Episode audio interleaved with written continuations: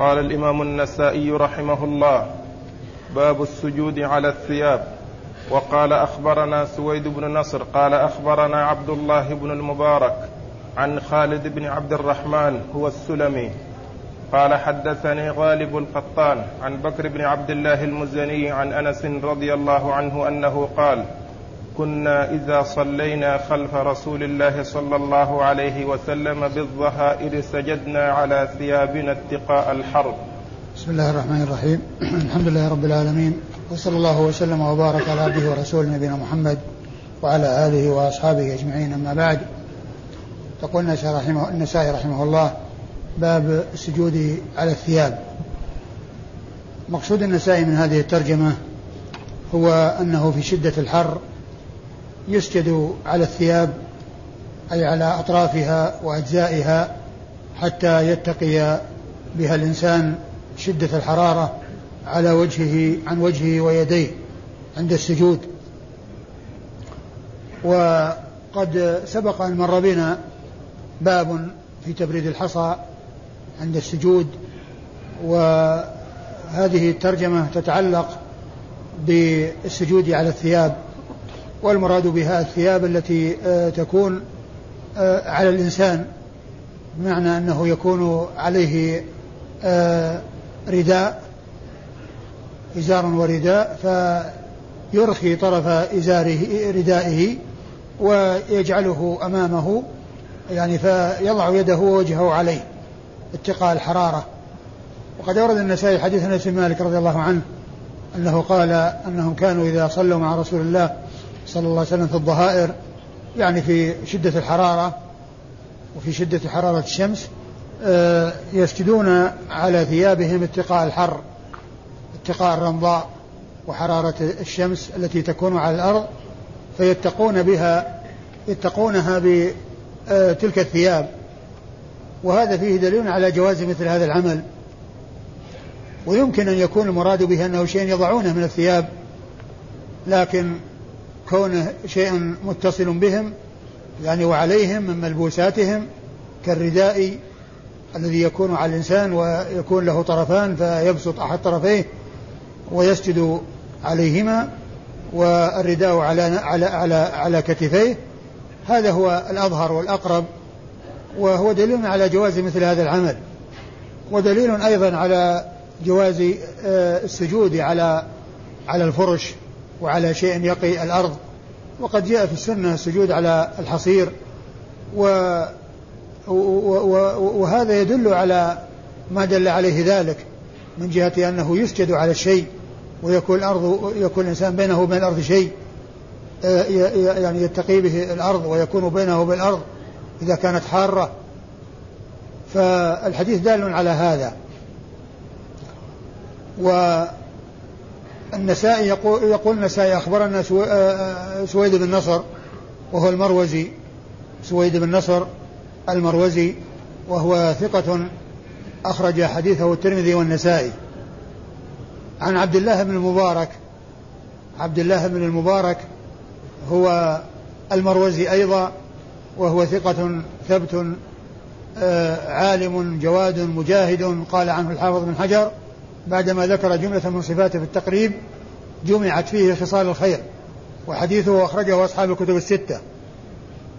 قال أخبرنا خالد بن عبد الرحمن هو السلمي. خالد بن عبد الرحمن آه، هو السلمي وهو صدوق يخطئ. وقد أخرج حديثه البخاري والترمذي والنسائي. وقوله هو السلمي هذه زيادة زادها من دون تلميذ خالد بن عبد الرحمن. دون آه، آه، من دون عبد الله المبارك الذي روى عن خالد بن عبد الرحمن وهو سويد بن نصر أو من دون سويد بن نصر الذي هو النسائي أو من دونه. آه، زادها لأنها ليست من لفظ عبد الله المبارك ولكن أراد من دون عبد الله المبارك أن يبين من هو هذا الرجل فقال هو السلمي. ولم يقل السلمي بدون هو لأنها لو قيلت بدون هو لا فهم أنها من كلام ابن المبارك. وابن المبارك ابن المبارك ما قال في الإسناد آه، أخبرنا خالد بن عبد الرحمن السلمي وإنما قال خالد بن عبد الرحمن فقط.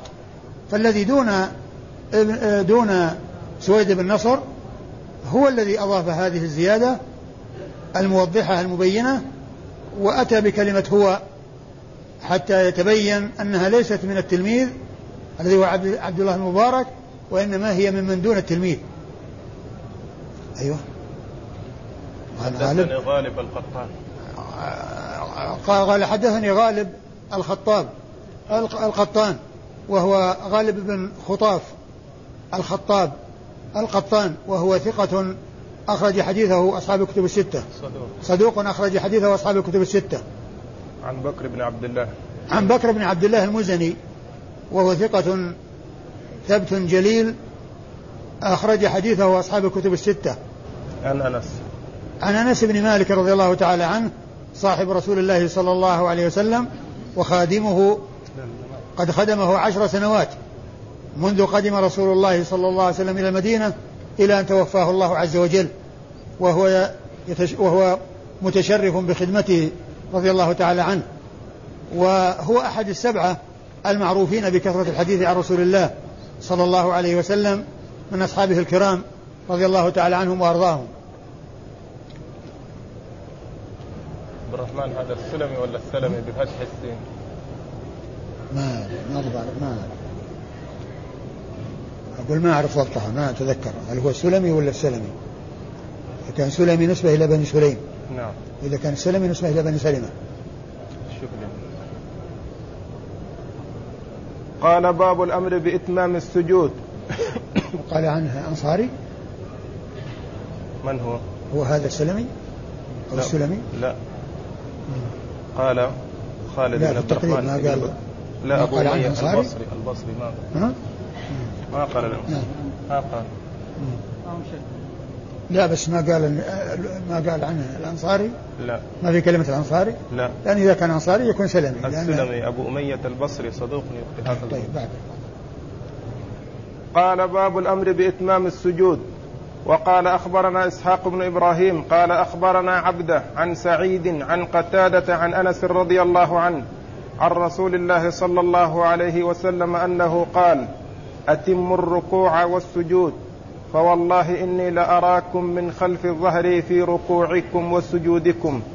ثم أورد النسائي هذه الترجمة وهي إتمام السجود وأورد فيه حديث آه، أنس. حديث أنس بن مالك رضي الله عنه. أن النبي صلى الله عليه وسلم قال أتموا الركوع والسجود فإني والله أراكم من وراء ظهري أرى أرى سجود أرى أرى سجودكم أراكم من خلف ظهري في ركوعكم وسجودكم. أراكم من خلف ظهري في ركوعكم وسجودكم. قوله أتم الركوع والسجود يعني كون الإنسان كون المصلي يأتي بهما على الهيئة المشروعة ويطمئن فيهما ويأتي بالركوع على الهيئة المشروعة وبالسجود على الهيئة المشروعة مع الاطمئنان. في ذلك لأن النبي صلى الله عليه وسلم قال إني أراكم من وراء ظهري في سجودكم وركوعكم. ومعنى هذا أن فيه آه، تنبيه إلى الهيئة التي ينبغي أن يكونون عليها وأن الله تعالى آه، يري نبيه إياهم وإن كانوا من ورائه فإن هذا من خصائصه صلى الله عليه وسلم. والحديث سبق أن مر فيما مضى. وإسناد الحديث يقول النسائي أخبرنا إسحاق بن إبراهيم. أخبرنا إسحاق بن إبراهيم ابن مخلد ابن راهوية الحنظلي المروزي وهو ثقة ثبت آه، مجتهد محدث فقيه وصف بأنه أمير المؤمنين في الحديث وهي من وهي من الصفات العالية والألقاب الرفيعة التي لم يظفر بها إلا النادر القليل من المحدثين.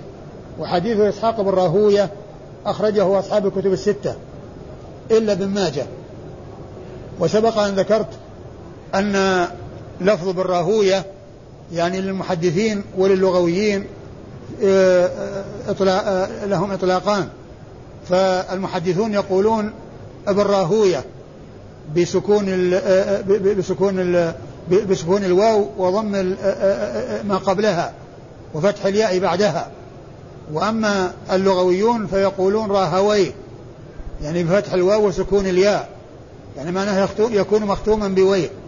يكون عند اللغويين مختوما بوي وعند اللغويين مختوم بالواو الساكنة التي بعدها ياء مفتوحة وهاء. ياء مفتوحة وهاء وقبل الواو وما قبل الواو يكون مضموما. راهوية. وكما قلت أخرج حديثه أصحاب الكتب الستة إلا ابن ماجه. عن عبده. عن عبده هو بن سليمان. عبده بن سليمان البصري. وهو ثقة ثبت أخرج حديثه أصحاب الكتب الستة. عن سعيد. الكوفي؟ الكوفي. الكوفي وليس البصري وهو ثقة ثبت أخرج حديثه أصحاب الكتب الستة. عن آه سعيد. عن سعيد بن أبي عروبة. سعيد بن أبي عروبة وهو ثقة آه آه هو من أثبت الناس في قتادة وهو يروي عن قتادة. ثقة من أثبت الناس في قتادة. عن قتادة؟ نعم. ها؟ نعم. عن وهو وهو آه كثير التدليس. ثقة آه كثير التدليس وهو من أثبت الناس في قتادة. عن قتادة بن دعامة السدوسي البصري وهو ثقة آه أخرج حديثه أصحاب الكتب الستة. عن عن أنس. بن مالك رضي الله عنه وقد مر ذكره في الإسناد الذي قبل هذا. قوله إني لأراكم من خلف ظهري هل هذا هذا من خصائص قلنا مر بنا الحديث في مواضع متعددة في سنن النسائي وكذلك مر في البخاري وقالوا إن هذا من خصائصه صلى الله عليه وسلم. باب النهي عن القراءة في السجود وقال أخبرنا أبو داود سليمان بن سيف قال حدثنا أبو علي الحنفي وعثمان بن عمر قال أبو علي حدثنا وقال عثمان أخبرنا وقال عثمان أخبرنا داود بن قيس عن إبراهيم بن عبد الله بن حنين عن أبيه عن ابن عباس عن علي عن علي بن أبي طالب رضي الله عنه أنه قال نهاني حبي صلى الله عليه وسلم عن ثلاث لا أقول نهى الناس نهاني عن تختم الذهب وعن لبس القسي وعن المعصفر المفدمة ولا أقرأ ساجدا ولا راكعا. ثم ورد النسائي هذه الترجمة وهي النهي عن القراءة في الركوع عن القراءة في السجود. النهي عن القراءة في السجود. وقد سبق أن مر ترجمة النهي عن القراءة في الركوع. وقد أورد النسائي حديث علي بن أبي طالب رضي الله تعالى عنه أن النبي صلى الله عليه وسلم أنه قال نهاني حبي صلى الله عليه وسلم وحبي بمعنى حبيبي. لأن الحب هو بمعنى الحبيب. ولهذا يقال عن أسامة بن زيد الحب ابن الحب حب رسول الله صلى الله عليه وسلم وابن حبه يعني حبيبه أو محبوبه وابن محبوبه. فالحب بمعنى الحبيب. و آه كما أنه يأتي ذكر الحبيب أيضا في آه آه بعض الصحابة في كلام أبي الدرداء رضي الله عنه في صحيح مسلم أنه قال أوصاني حبيبي صلى الله عليه وسلم بثلاث. ركعتي الضحى وصيام ثلاثة أيام من كل شهر وأن أوتر قبل أن أرقد. وقال أبو هريرة أوصاني خليلي صلى الله عليه وسلم بثلاث ركعتي الضحى وصيام ثلاثة أيام من كل شهر وأن أوتر قبل أن أنام. وهنا يقول علي رضي الله عنه أوصاني قال نهاني حبي صلى الله عليه وسلم. ولا أقول نهى الناس. يقصد بذلك أن تحديث الرسول صلى الله عليه وسلم إياه بهذا كان وحده ليس معه أحد. ولهذا قال نهاني. لأنه كان وحده عندما حدثه الرسول صلى الله عليه وسلم بهذا الحديث. ولم يكن معه أحد وليس معنى ذلك أن الحكم يخصه وأن الناس يعني لا يشاركونه في هذا الحكم فإن خطاب الرسول صلى الله عليه وسلم لواحد خطاب للجميع وخطابه لواحد خطاب للأمة. لكن هذا هو معنى كلام علي رضي الله عنه نهاني ولا أقول نهى الناس لأنه ما قال آآ آه، آآ آه، آآ لا تفعلوا كذا أو افعلوا كذا بخطاب الجمع للناس موجه إلى الناس. وإنما كان يخاطبه وحده وليس معه أحد. فمن أجل ذلك أتى بالصيغة على الهيئة التي حصل بها التحمل. وهو أنه كان تحمل وحده فأدى وحده. يعني فصار تعبيره عند التأدية بلفظ الإفراد كما أنه حصل له الخطاب بلفظ الإفراد وذلك أنه ليس معه أحد لما خاطبه الرسول صلى الله عليه وسلم بهذا الخطاب. هذا هو معنى كلام علي رضي الله عنه. وليس معنى ذلك أنه أن هذا حكم يخصه فإن الأحكام عامة. ولا ولا تكون خاصة إلا إذا جاء نص يدل على الخصوص. مثل قصة الرجل الذي ضحى قبل الصلاة ثم قال إن لنا عناق داج. والعناق هي التي ما لم تبلغ. المقصود أنها لم تبلغ السنة التي آه، تجزئ فيها الأضحية. فقال هل تجزي عني؟ قال تجزي عنك ولن تجزي عن أحد بعدك. وقوله أن تجزي عن أحد بعدك يعني هذا حكم يخصه لأنه جاء نص من رسول, رسول الله صلى الله عليه وسلم بهذا الخصوص. ومثل ما جاء في قصة خزيمة بن ثابت الذي اعتبر الرسول شهادته عن اثنين يعني هذا يخصه. ما يقال إن هذا حكم عام. وكلام علي رضي الله عنه آه قاله هذا ليس المراد منه إن هذا من خصائصه وأن هذا حكم يخصه وأن النهي يتعلق به ولا يتعلق بغيره وإنما مراده أنه حين التحمل كان وحده. والرسول صلى الله عليه وسلم قال له لا تلبس كذا أو أنهاك عن لبس كذا وكذا. فعندما راح يحدث عن تحديث الرسول إياه قال نهاني لأنه قال لا تفعل كذا لا تفعل كذا لا تلبس كذا. فالخطاب موجه إليه. فصار عند الأداء يماثل التحمل. يماثل التحمل في آه، آه، لأنه كان عند التحمل بالإفراد وعند الأداء أتى به على صيغة الإفراد. قال نهاني الرسول صلى الله عليه وسلم ولا أقول نهى الناس عن عن تختم الذهب. عن التختم بالذهب. التختم بالذهب يعني يكون الإنسان الرجل لا يتختم بالذهب ولا يجوز للمسلم أن يتختم بخاتم الذهب. و إنما آه، استعمال الذهب للنساء. والرجال لا يستعملون الذهب. والنبي صلى الله عليه وسلم أخذ ذهبا وحريرا وأشار بهما والناس يرون قال هذان حرام على ذكور أمتي حل لإناثها هذان أي الذهب والحرير حرام على ذكور أمتي حل لإناثها. والنساء لهن أن يتختمن ولهن أن يلبسن الذهب والفضة كما شئنا. ومعلوم أن الرسول صلى الله عليه وسلم لما جاء النساء وخطبهن يوم العيد بعدما خطب الناس وجاء وتكلم معهن وقال تصدقنا يا معشر النساء فإني رأيتكن أكثر حطب جهنم. فجعلن يلقين يعني في ثوب بلال من أقراطهن وخواتيمهن. يعني تنزع الخواتم يعني لأنها تبادر إلى الصدقة. يعني ما كان معها إلا الخواتم أو ما معها إلا الحلي. فأخرجت أو فجعلنا يلقين من خواتيمهن وأقراطهن يعني ينزعن مما على الأذن في الأذنين ومما في الأصابع في أصابع اليدين من الخواتم يلقين بأقراطهن وخواتيمهن. فالتختم يعني بالذهب والفضة للنساء سائغ وجائز والرجال لا يجوز لهم استعمال الذهب. يعني تختم بالذهب. وعن لبس القسي. وعن لبس القسي وهي ثياب مضلعة بالحرير وتنسب إلى بلد تصنع فيه. فنهى عن نهى عن ذلك رسول الله عليه الصلاة والسلام وذلك لأنها من الحرير أو مخلوطة بالحرير. والرجال منهيون عن استعمال الحرير وعن لبس الحرير. وعن, المعصفر وعن المعصفر والمفدمة. وقد سبق أن مر الحديث عن عن لبس المعصفر والمفدم. والمعصفر غير المفدم. المفدم هو المصبوغ أو الذي لونه لون أحمر قان شديد الحمرة متناهي في الحمرة. فيعني نهى عن المعصفر وهو الذي آه، صبغ بذلك اللون آه، آه، النبات أو الذي هو العصفر وقال له المع... الذي يصبغ به قال المعصفر ولونه أصفر. وعن المفدم وهو الذي صبغ باللون الأحمر والمراد به المتناهي في الحمرة الذي لا يقبل الزيادة لا يقبل أن يزاد عليه في هذا اللون لأنه بلغ نهايته وغايته في الحمرة. ولا أقرأ ساجدا ولا راكعا. ولا أقرأ ساجدا ولا راكعا وهذا هو محل الشاهد.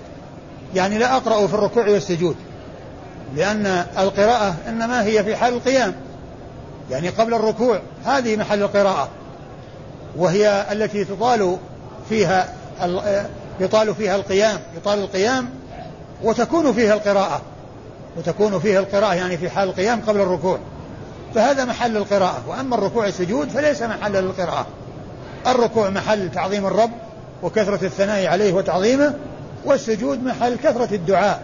ويجوز تعظيم الرب في السجود مثل سبحان رب الأعلى وسبوح قدوس. ويجوز أيضا الدعاء في الركوع مثل قول كما دل عليه قوله سبحانك اللهم وبحمدك اللهم اغفر لي فإن اللهم اغفر لي يؤتى بها في الركوع وهي دعاء. وهي لفظ مشتمل على ثناء ودعاء. سبحانك اللهم وبحمدك اللهم اغفر لي فيؤتى بها في الركوع والسجود. وهي مشتملة على ثناء ودعاء. والثناء الغالب عليه أن محله الركوع والدعاء الغالب عليه أن محله السجود لكن يجوز الدعاء في حال الركوع والثناء في حال السجود. قال أخبرنا أبو داود. أخبرنا أبو داود سليمان بن سيف وهو الحراني. سليمان بن سليمان بن سيف الحراني وهو ثقة حافظ أخرج حديثه النسائي وحده. قال حدثنا أبو علي الحنفي وعثمان. قال حدثنا أبو علي الحنفي وعثمان بن عمر. أبو علي الحنفي هو عبيد الله بن عبد المجيد.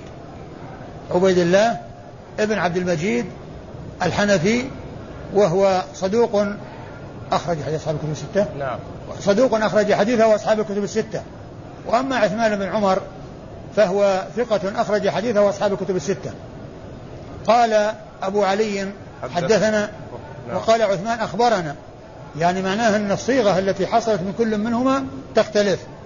فأشار النسائي إلى صيغة كل منهما. وهذه الطريقة قليلة عند النسائي. وأما عند مسلم فهي كثيرة جدا. ما أكثرها في صحيح مسلم. يعني يقول إذا ذكر شيوخه قال ذكر من قال كذا ومن قال كذا. من قال حدثنا ومن قال أخبرنا. قال فلان حدثنا وقال فلان أخبرنا. هذه موجودة بكثرة في صحيح مسلم. وأما النسائي فهي عنده قليلة. والسبب في هذا أن أن أن, أن ذكر آه، آه، عدد من الشيوخ يعني آه، في إسناد واحد قليل. الكثير هو أنه يذكر يروي عن شيخ واحد. لا يذكر شيخين. وذكر الشيخين معا هذا قليل جدا بالنسبة لكثرة الرواة عن شيخ واحد وبإسناد واحد. بخلاف مسلم فإنه يجمع الأسانيد ويجمع الأحاديث في مكان واحد فيحتاج إلى أن يجمعهم في إسناد واحد ويذكر عدد من شيوخه ويبين من له من يقول من قال كذا ومن قال كذا وكذلك من له اللفظ منهم. يرويان عن داود بن قيس. يرويان عن داود بن قيس. داود, داود بن قيس وهو ثقة أخرج حديث أصحاب الكتب الستة. البخاري تعليقا ومسلم والأربعة. البخاري تعليقا ومسلم وأصحاب السنن الأربعة. أخرج حديثه البخاري تعليقا ومسلم وأصحاب السنن الأربعة. عن إبراهيم بن عبد الله بن عن إبراهيم بن عبد الله بن حنين وهو ثقة أخرج حديثه وأصحاب الكتب الستة. عن أبيه. يروي عن أبيه عبد الله بن حنين وهو كذلك أخرج حديث ثقة أخرج حديثه أصحاب الكتب الستة. عن ابن عباس. عن عبد الله بن عباس بن عبد المطلب آه، ابن عم رسول الله صلى الله عليه وسلم وأحد العباد له الأربعة من أصحاب رسول الله عليه الصلاة والسلام وهم عبد الله بن عباس وعبد الله بن عمر وعبد الله بن الزبير وعبد الله وعبد الله بن عمرو. و آه، وهو أحد السبعة المعروفين بكثرة الحديث عن رسول الله صلى الله عليه وسلم. يروي عن علي بن أبي طالب أمير المؤمنين رابع الخلفاء الراشدين الهادين المهديين أبو الحسنين وصهر رسول الله عليه الصلاة والسلام على ابنته فاطمة رضي الله تعالى عنهما وهو ذو المناقب الجمة والخصال آه، آه، الحسنة والمناقب العظيمة رضي الله تعالى عنه وأرضاه. وحديثه عند أصحاب الكتب الستة. قال أخبرنا أحمد بن عمرو بن السرح قال أخبرنا ابن وهب عن يونس حاء والحارث بن مسكين قراءة عليه وأنا أسمع. عن ابن وهب عن يونس عن ابن شهاب قال حدثني إبراهيم بن عبد الله أن أباه حدثه أنه سمع عليا رضي الله عنه قال نهاني رسول الله صلى الله عليه وسلم أن أقرأ راكعا أو ساجدا. ثم أورد النسائي حديث علي رضي الله عنه. أنه قال نهاني رسول الله صلى الله عليه وسلم أن أقرأ راكعا وساجدا وهذا وهو طريق آخر ولكنه مختصر من الحديث الأول وهي طريق أخرى من حديث علي مختصرة آه اقتصر فيها على ذكر النهي عن ركوع السجود الذي هو محل الشاهد للترجمة. وأما إسناد الحديث فيقول النسائي أخبرنا أحمد بن أخبر أخبرنا أحمد بن عبد الله بن السرح المصري أحمد بن عمرو. أحمد بن عمرو بن السرح المصري وهو ثقة أخرج حديثه مسلم وأبو داود والنسائي وابن ماجه. مسلم وأبو داود والنسائي وابن ماجه. مسلم وأبو داود والنسائي وابن ماجه ما خرج إلا البخاري ولا الترمذي. قال أخبرنا ابن وهب. قال أخبرنا ابن وهب وهو عبد الله بن وهب المصري وهو ثقة فقيه أخرج له أصحاب الكتب الستة. عن يونس. عن يونس ابن يزيد الأيلي وهو ثقة حديثه عند أصحاب الكتب الستة. قال حاء ثم قال حاء والحارث المسكين. حاء التحول من إسناد إلى إسناد. والحارث المسكين معطوف على آه، أحمد بن عمرو بن السرح الذي هو شيخه لأن هذا شيخ آخر له وهو الحارث المسكين المصري وهو ثقة فقيه أخرج حديثه أبو داود والنسائي. عن ابن وهب. عن ابن وهب وهو آه الذي مر ذكره. عن يونس. عن يونس. عن يونس ابن يزيد وهو الذي تقدم ذكره في الإسناد الذي قبلها عن ابن في, في الطريقة الأولى. عن ابن شهاب وهو محمد بن مسلم ابن عبيد الله ابن عبد الله ابن محمد بن مسلم ابن عبيد الله بن عبد الله ابن شهاب. ابن شهاب. وهو ينسب إلى جده شهاب وإلى جده زهرة بن كلاب فيقال الزهري ويقال ابن شهاب وهو ثقة فقيه محدث آه، إمام جليل معروف بكثرة الرواية وحديثه عند أصحاب الكتب الستة وهو من صغار التابعين الذين أدركوا صغار الصحابة وهو ممن يروي عن أنس بن مالك رضي الله عنه وأنس من صغار الصحابة والزهري من صغار التابعين. قال حدثني إبراهيم بن عبد الله. قال حدثني إبراهيم بن عبد الله ابن حنين عن أبيه عن عن علي. عن علي وقد مر ذكرهم في الإسناد الذي قبل هذا. وهو يروي يعني أبوه يروي عن عن علي مباشرة وبدون واسطة. لأنه يروي بواسطة ابن عباس ويروي عن علي مباشرة وبدون واسطة. قال باب الأمر بالاجتهاد في الدعاء في السجود. وقال أخبرنا علي بن حجر المروزي قال أخبرنا إسماعيل هو ابن جعفر قال حدثنا سليمان بن سحيم عن إبراهيم بن عبد الله بن معبد بن عباس عن أبيه عن عبد الله بن عباس رضي الله عنهما أنه قال كشف رسول الله صلى الله عليه وسلم الستر ورأسه معصوب في مرضه الذي مات فيه فقال اللهم قد بلغت ثلاث مرات. إنه لم يبق من مبشرات النبوة إلا الرؤيا الصالحة يراها العبد أو ترى له. ألا وإني قد نهيت عن القراءة في الركوع والسجود. فإذا ركعتم فعظموا ربكم وإذا سجدتم فاجتهدوا في الدعاء فإنه قمن أن يستجاب لكم. ثم ورد النسائي هذه الترجمة هي الاجتهاد الاجتهاد في الدعاء في السجود. يعني كل إنسان يجتهد في الدعاء ويكثر منه ويلح على الله عز وجل في الدعاء وهو ساجد لأن هيئة السجود وحالة السجود من المواطن التي هي حرية بالإجابة وقريب أن يستجاب للداعي فيها. وقد جاء في الحديث أقرب ما يكون العبد من ربه وهو ساجد وهو حديث سيأتي. وأورد النسائي حديث آه، حديث من؟ ابن عباس. حديث ابن عباس رضي الله تعالى عنهما أنه قال آه كشف رسول الله. أنه قال كشف رسول الله صلى الله عليه وسلم الستر يعني الذي كان يعني على حجرته أو على باب حجرته ورأسه معصوب في مرضه الذي مات فيه يعني في أواخر أيامه عليه الصلاة والسلام. ورأسه معصوب يعني من شدة المرض وهذا فيه دليل على أن أنه إذا يعني مرض الرأس وصار فيه وجع أنه يجوز شده وكونه يعصب بعصابة تشده حتى يهون المرض. وهذا من الأسباب السائغة والجائزة لأن شد الرأس يعني مع وجود المرض والصداع فيه ينفع ويفيد بإذن الله عز وجل. والرسول صلى الله عليه وسلم فعل هذا وهو القدوة والأسوة عليه الصلاة والسلام. آه فقال اللهم اللهم قد بلغت ثلاث مرات. اللهم هل أو قد؟ لا قد بلغت. اللهم قد بلغت ثلاث مرات. ثم قال إنه لم يبقى من مبشرات النبوة إلا رؤيا صالحة يراها الرجل أو ترى له والحديث سبق أن مر وقد عرفنا معناه وأن الوحي ومعرفة الأمور المغيبة بالطرق المشروعة إنما كان يعرف عن طريق الرسول صلى الله عليه وسلم. فهو الذي ينزل عليه الوحي ويخبر بالأمر المغيب المستقبل والأمر الذي هو غائب يخبر عنه عليه الصلاة والسلام. بإيحاء الله عز وجل إليه.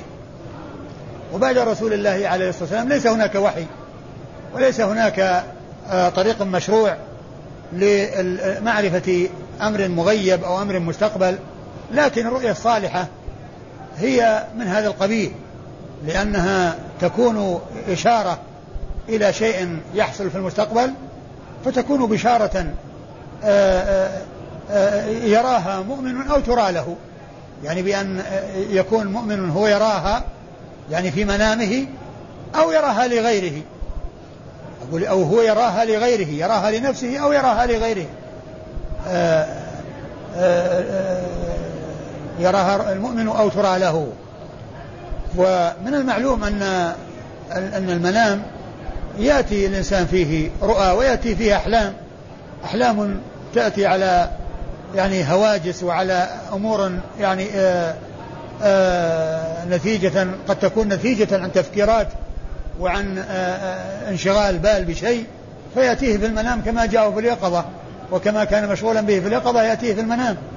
لكن الرؤيا الصالحة هي التي تأتي للإنسان وتكون بشارة له إما لرأيها أو لشخص آخر. مؤمن يراها له مؤمن مؤمن يراها له مؤمن. فهذه من المبشرات. يعني معناه أنه إذا رآها فيكون فيها بشارة له إذا كانت يعني حسنة وكانت طيبة. ولهذا جاء في الحديث الإنسان لا يخبر بها إلا من يحب. يعني إذا كان رأى أمرا حسنا فإنه يحدث به من يحب لا يحدث به كل أحد. وإذا كانت سيئة فليتعوذ بالله من الشيطان الرجيم رجيم وليتحول عن جنبه الذي رأى فيه ويستعيذ بالله ولا تضره بإذن الله. إيش بعدين؟ قال ألا وإني قد نهيت عن القراءة في الركوع والسجود. ألا وإني قد نهيت عن القراءة في الركوع والسجود. وهذا يعني يدل على ما دل عليه الذي تقدم عن علي رضي الله تعالى عنه. فإذا ركعتم فعظموا فإذا ركعتم فعظموا ربكم. فعظموا ربكم. وإذا سجدتم فاجتهدوا في الدعاء فإنه فاجتهدوا في الدعاء فإنه قمن أن يستجاب لكم. وهذا هو المقصود من محل الشاهد للترجمة. وأما السجود فأكثروا فيه من الدعاء. فقمن أن يستجاب لكم. دعاء فادعوا ربكم. فاجتهدوا.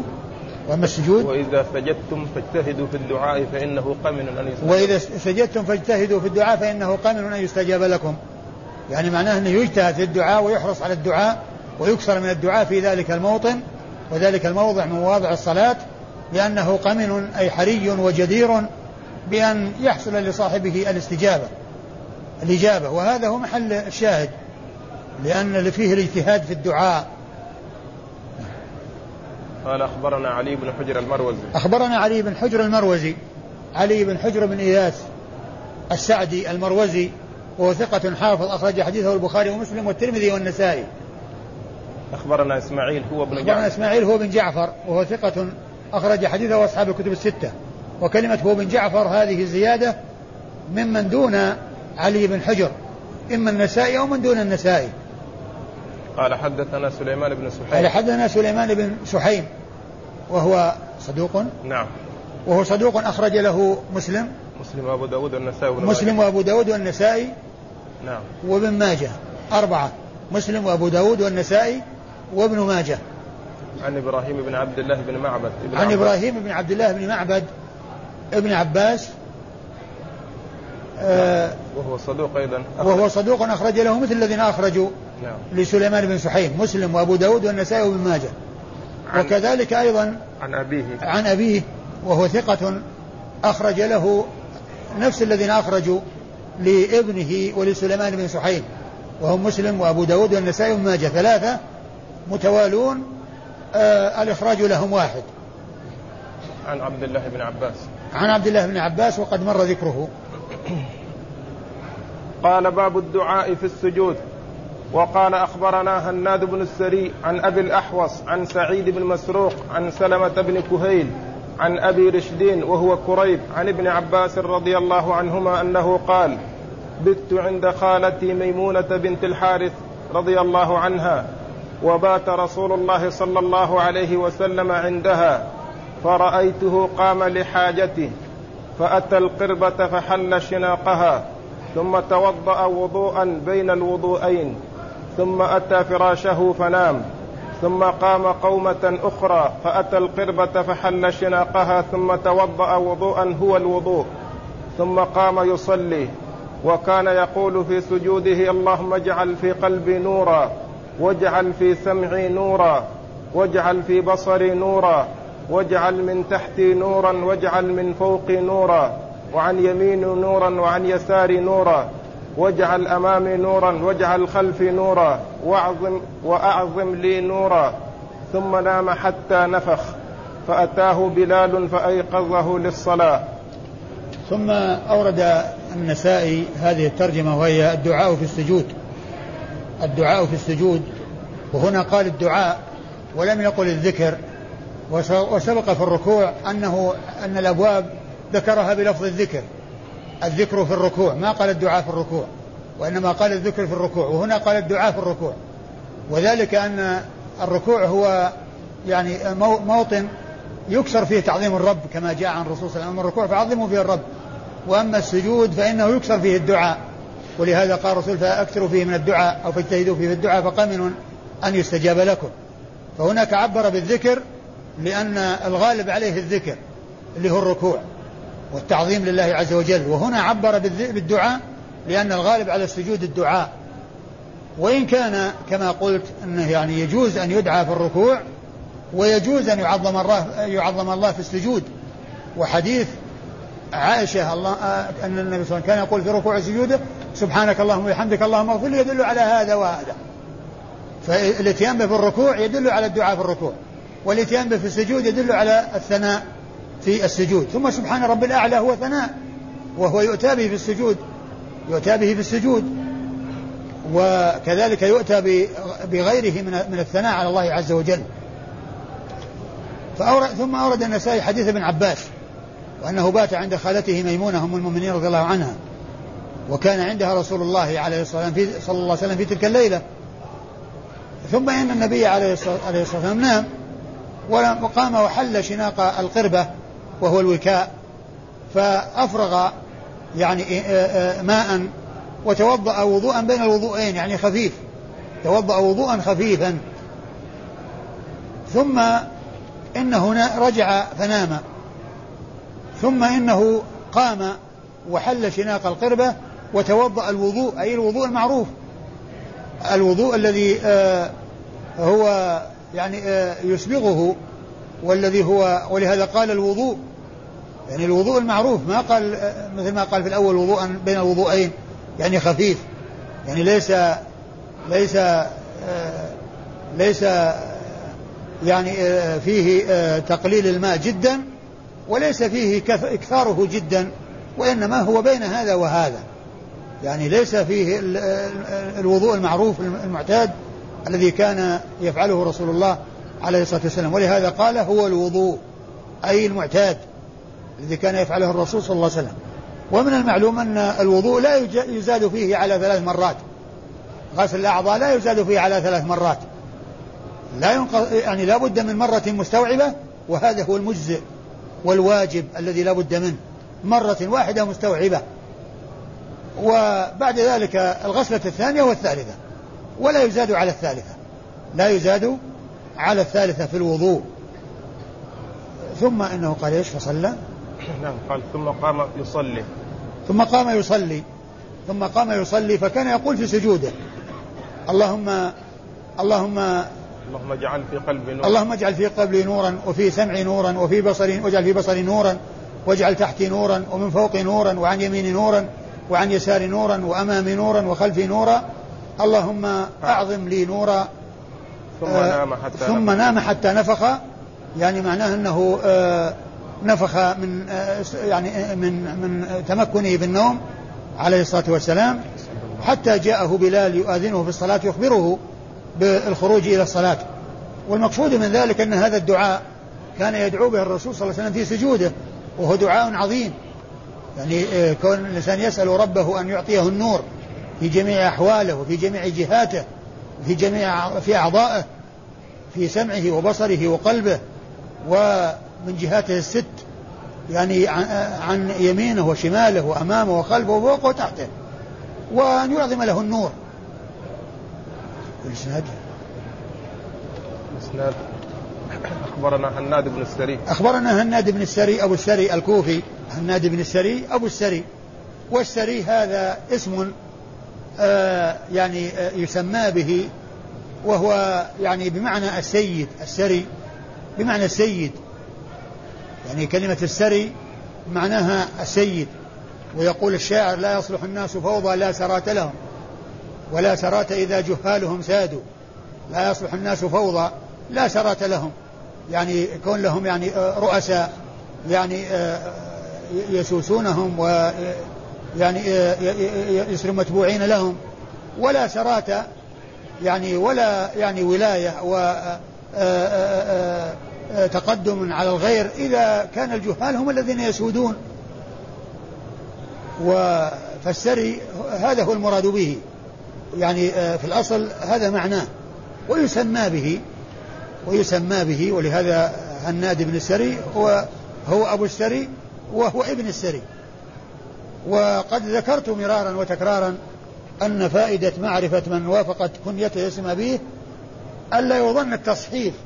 فيما لو ذكر بالكنية بدل النسبة لو قيل هناد أبو السري. الذي ما يظن ما يعرف أن هناد أبو السري ما ما يعرف أن هناد بن السري هو أبو السري يظن أن أبوه صحفت من ابن وأبدلت وجاءت مكانها أبو. لكن من عرف أن هناد اسمه كنية توافق اسم أبيه فسواء قيل هناد بن السري أو قيل هناد أبو السري. كله صحيح ولا تصحيف ولا تعريف. عن أبو الأحوص؟ نعم. عن أبو الأحوص هو سلام بن سليم الحنفي آه وهو ثقة متقن أخرج حديثه أصحاب الكتب الستة. عن سعيد بن مسروق. عن سعيد بن مسروق الكوفي وهو والد سفيان الثوري. سفيان بن سعيد بن مسروق الثوري.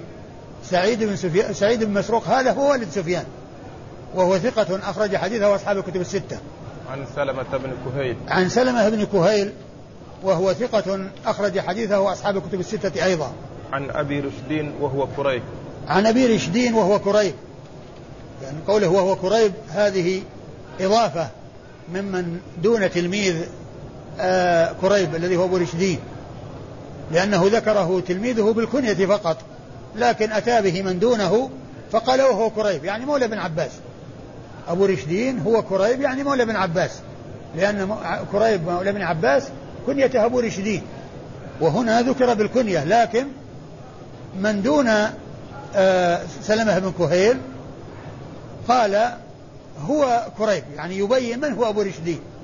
من هو أبو رشدين؟ هو كريب يعني مولى بن عباس. وهو ثقة أخرج حديثه وأصحاب الكتب الستة. عن ابن عباس. عن ابن عباس وقد مر ذكره. قال نوع آخر وقال أخبرنا سويد بن نصر قال أخبرنا عبد الله عن سفيان عن منصور عن أبي الضحى عن مسروق عن عائشة رضي الله عنها أنها قالت كان رسول الله صلى الله عليه وسلم يقول في ركوعه وسجوده سبحانك اللهم ربنا وبحمدك اللهم اغفر لي يتأول القرآن. ثم ورد النسائي هذا الترجمة نوع آخر من الدعاء. نوع آخر من الدعاء. أورد فيه حديث عائشة رضي الله عنها أن النبي عليه أنها قالت كان رسول الله صلى الله عليه وسلم يقول في ركوعه وسجوده سبحانك اللهم وبحمدك سبحانك اللهم ربنا وبحمدك اللهم اغفر لي يتأول القرآن. فقوله سبحانك اللهم وبحمدك اللهم اغفر لي في دعاء وثناء. دعاء في قوله اللهم اغفر لي وثناء في قوله سبحانك اللهم ربنا وبحمدك. فهو, فهو جمع بين الثناء والدعاء. وهنا أورده من أجل اشتماله على الدعاء وهو اللهم اغفر لي.